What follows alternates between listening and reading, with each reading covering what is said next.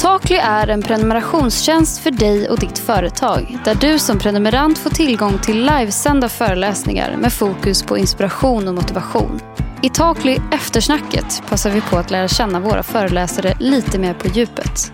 Du hittar alltid det senaste avsnittet där du hittar poddar.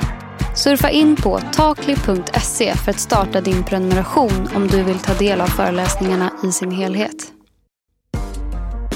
Du lyssnar på Taklis eftersnack med mig Sula Sjödahl. Idag har jag med mig Magdalena Forsberg i studion. Välkommen hit Magdalena. Tack så mycket. Hur är det med dig? Det är bra tack. Är det bra med dig också? Ja men det är jättebra. Det är jättebra. Solen skiner. Kan inte klaga. Nej, Nej. underbart. Idag så höll du din föreläsning på Takli. Ja. Där du valde att prata om vägen till att nå dit man vill. Där bland annat vikten av att tro på sig själv och självinsikt är oerhört viktigt. När började du ha den här inställningen i din karriär och hur gick din resa till? Ja, det här var ju inte något jag hade med mig när jag liksom började min idrottskarriär när jag var yngre utan det här har ju växt fram med tiden och vi har ju jag var ju längdåkerska från början och sen bytte till skidskytte och haft, haft många olika mentala coacher som har kommit in och, och föreläst och, och jobbat lite med oss också både i längdlaget och, och skidskyttelaget. Så jag har liksom tagit med mig mycket Eh, från olika håll där. Och sen, sen ju äldre man blir desto mer börjar man ju fundera över sådana här saker. Och eh, det, det, är ju viktigt, det är otroligt viktigt. Och man kan ju önska när jag, man avslutar en idrottskarriär till exempel så är ju kanske den här mentala verktygslådan som allra mest välutrustad. Eh, och att man hade önskat att man hade haft den när man var yngre.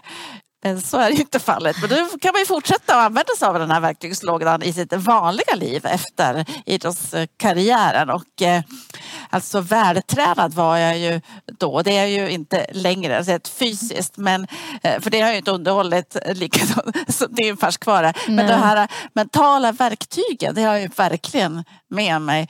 Och tänket ifrån idrottskarriären. För det är ju sånt som man använder verkligen varje dag. Mm. Gud vad härligt. Så att varje gång du känner att du behöver ja, med lite pepp eller när du känner att du mår lite dåligt så då går du tillbaka till den här verktygslådan och ja. kikar på de olika målen. Precis, då mm. försöker jag hitta rätt verktyg där eller rätt metod att bara liksom använda mig av. Sen självklart har jag ju också dagar när jag liksom inte är på topp och tycker synd om mig själv och tycker att allt är grått, grått, grått. Det har vi väl alla. Mm. Men det gäller att försöka minimera dem och försöka liksom bota bort dem. Absolut.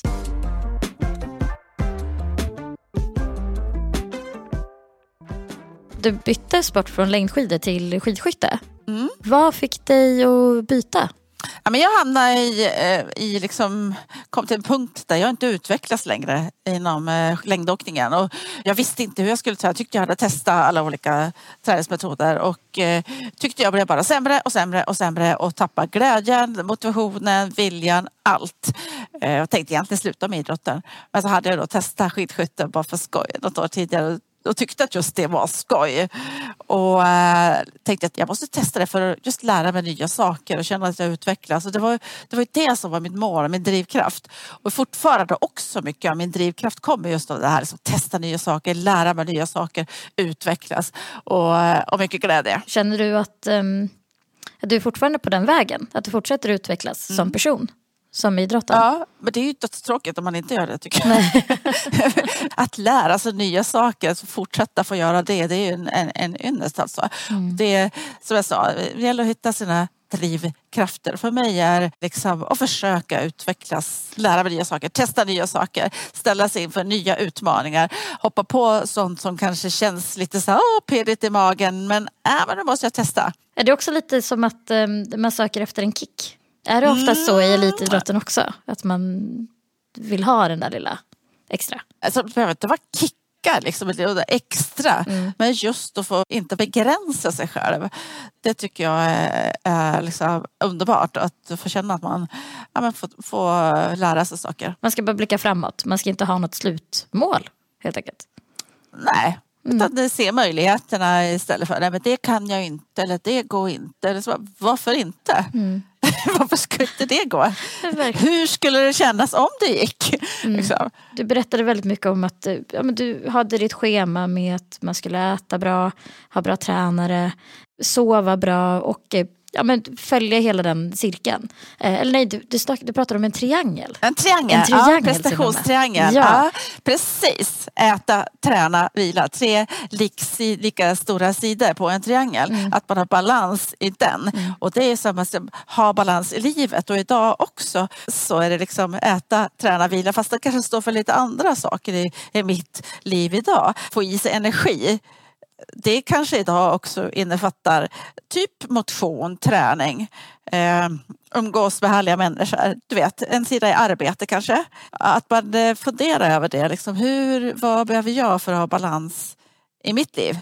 Kan den triangeln ändras ju mer åren ja. går? Ja. ja. men för mig har ju den ändrats lite från, från eller ganska mycket från min elitidrottskarriär då det verkligen var äta, träna, vila. och det var äta var äta, ja. träna var träna, vila var vila. Mm. Idag kanske vila också innefattar någon typ av motion, eh, regeneration, återhämtning. Träning kanske ingår i vila idag, egen tid. Verkligen, ja absolut, absolut. Träning för mig är att jag bara jag promenerar om dagarna. Ja, och det ger dig energi? Absolut, det gör det verkligen. Och då är det på så här energipåfyllnadssidan. Så inte var, det var ju inte på energipåfyllnadssidan under min elitidrottskarriär. Då var det ju verkligen, det tog ju energi. Mm. Det här med rörelse och träning. Men idag så har det ju hamnat mer på den här påfyllnadssidan. Hur, hur gick den här övergången? Från att ha den här träningsrutinen och ja, verkligen äta träna, vila till att du eh, slutade din karriär inom elitidrott. Var det en svår övergång? För mig var det inte det. Jag hade planerat det där två år innan jag la av så hade jag bestämt det att den dagen ska jag sluta. Så att jag visste det två år innan att den dagen slutar jag. Och sen så hade jag, eh, jag hade ju sån himla tur att jag fick en massa eh, fantastiskt roliga förfrågningar om, om jobb och uppdrag att göra efter karriären. Mm. Så att jag kunde hoppa på det direkt och hade liksom varje dag något syfte och mål och hade en massa olika projekt att jobba med. Så att eh, jag hade inte den där avsaknaden av att ha nya mål. Och jag tror att eh, om man har den, den här avsaknaden med nya mål, då kan det bli en tuff övergång. Men eh, som sagt, jag är otroligt lyckligt lottad som verkligen hade massa nya roliga uppgifter att, att ta mig an. Känner du att du saknar elitidrotten nu? Nej, jag saknar inte den. Jag kan ibland känna att jag saknar det här att man har tagit ut sig allt, allt, allt, allt. Man är helt utpumpad. Men då har jag kommit på att det har jag inte rätt att sakna för det kan jag göra när som helst. Det är bara att sticka ut och springa allt jag har. Mm. Så är jag ju där. Men, så jag har inte rätt att sakna det. Men det enda jag saknar det är människorna. Människorna som man har jobbat tillsammans med de kan jag sakna. Mm. Jag saknar inte att stå överst på prispallen eller någonting sånt. Men jag saknar människorna. Ja, det är ju gemenskap. Och det är väl samma om man har varit på en arbetsplats, en bra arbetsplats eh, där du trivs med dina kollegor så, så är det väl inte just arbetet kanske du saknar utan du saknar människorna. Men verkligen. Det är ju som man blickar tillbaka till skolan också. Hur man minns mm. hur det var i klassen, att man såg fram emot att vara med sina klasskamrater och bara umgås med dem under dagarna. Ja, mm. det, ja, det är ju faktiskt sant det där. Jag har också tänkt väldigt mycket på i och med att det var så mycket all eyes on you när du elitidrottade. Och det var så mycket press och eh, stress från omvärlden. Eller från allihopa som iakttar en, Hur hanterade du det? Ja, jag bestämde mig väldigt tidigt för att inte följa mig själv i media. Att inte medvetet söka upp och läsa om mig själv till exempel i tidningar.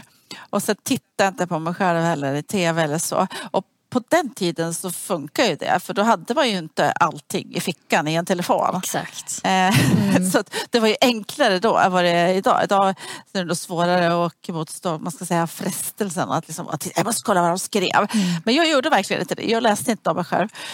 Och eh, förstod egentligen inte riktigt heller hur, hur stort genomslag som det fick i, hemma i Sverige. Mina framgångar, jag var ju oftast utomlands och tävlade. Mm. Så att, eh, då fick jag inte med mig det där riktigt kanske eh, vilken uppmärksamhet det fick hemma. Så det var väl ett sätt för mig att, att inte liksom drabbas av det där att wow, alla kollar och alla har koll.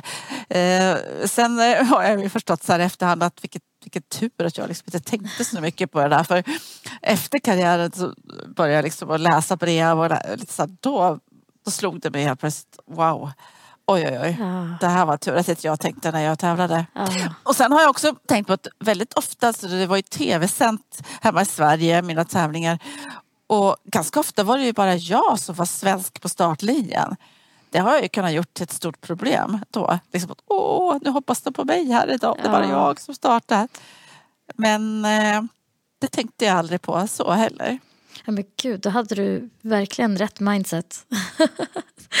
ja, nej men wow. Eh, Ja, men för jag tänker också, i, ja, som du säger, i dagens klimat så går det ju inte att undvika att läsa och, se om sig själv. och jag är ganska glad att inte det fanns på den tiden när allt det här med sociala medier och allting. Utan det var ju en helt annan värld som vi levde i då. Exakt. Ja, men fokus var ju annorlunda då, helt enkelt. Ja. Ja.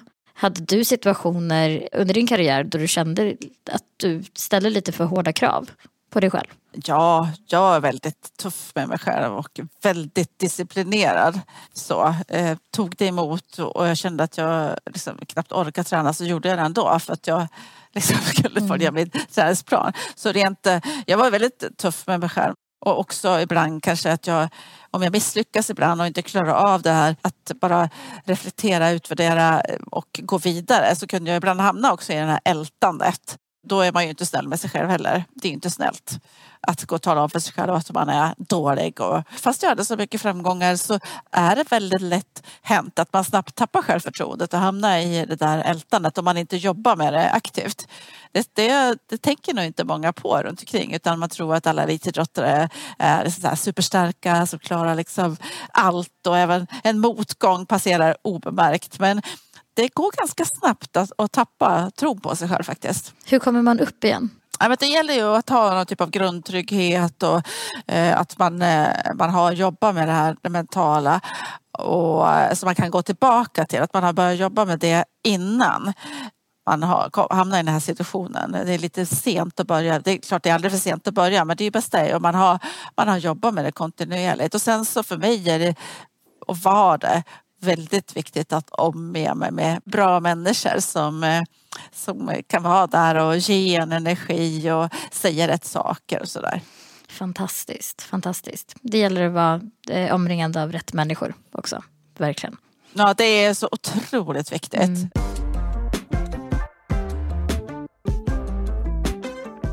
Innan vi slutar så måste jag bara ställa en sista fråga. Som eh, nog många har funderat på. Eh, det är faktiskt vilka hårprodukter du använder. För ditt hår är helt magiskt. Vilka hårprodukter! Ja, men det, var, det var en diskussion som gick lös när jag och mina vänner såg På spåret-finalen. Och grattis eh, förresten till vinsten. Ja, tack! eh, och eh, nej, men då satt vi och funderade, vad, vad är det för hårprodukter Magdalena använder?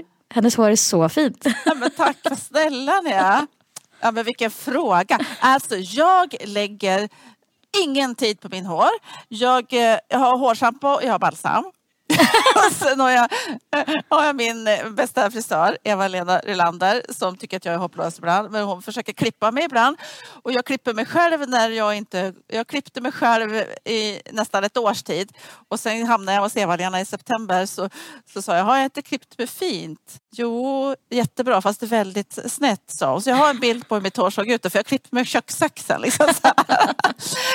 Men eh, shampoo och balsam och eh, så tror jag lite torrschampo så här nu när jag ska...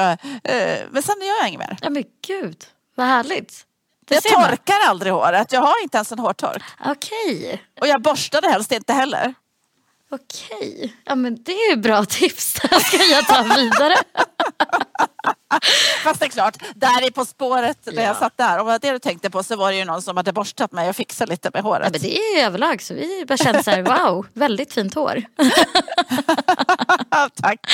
Åh, vad kul! Eh, och apropå vinsten också, På spåret, var det möjligtvis dina mål som kunde ligga bakom vinsten? Ja men självklart. Nej, men det, var väl ingenting vi hade räknat med. när Vi gick in det där jag och Claes att vi skulle vinna. Men eh, att vi tänkte att det vore ju kul ändå att få, få vinna. Och jag ska erkänna att eh, när vi satt där i finalen. Så jag hade ju varit i final en gång tidigare, 2006 tror jag det var. Okej. Tillsammans med Adde Malmberg. Och eh, så satt jag där, jag och Claes i finalen eh, och det skulle köra igång. Så såg jag de här två jordglobsstatyetterna som stod där framför Christian Luuk och Fredrik Lindström. Då tänkte jag så här, nej, andra gången gilt. Så, sån där vill jag ha. Varför skulle inte vi kunna vinna lika väl som någon annan? Och, så... och att man ser möjligheterna ja. och inte bara säga, tala om för sig själv att det här går inte, det är för svårt, de är mycket bättre. Utan bara, varför skulle inte vi kunna vinna likväl som dem? Oh, helt så rätt inställning. Jag. Wow. Mm. Så bra. Ja.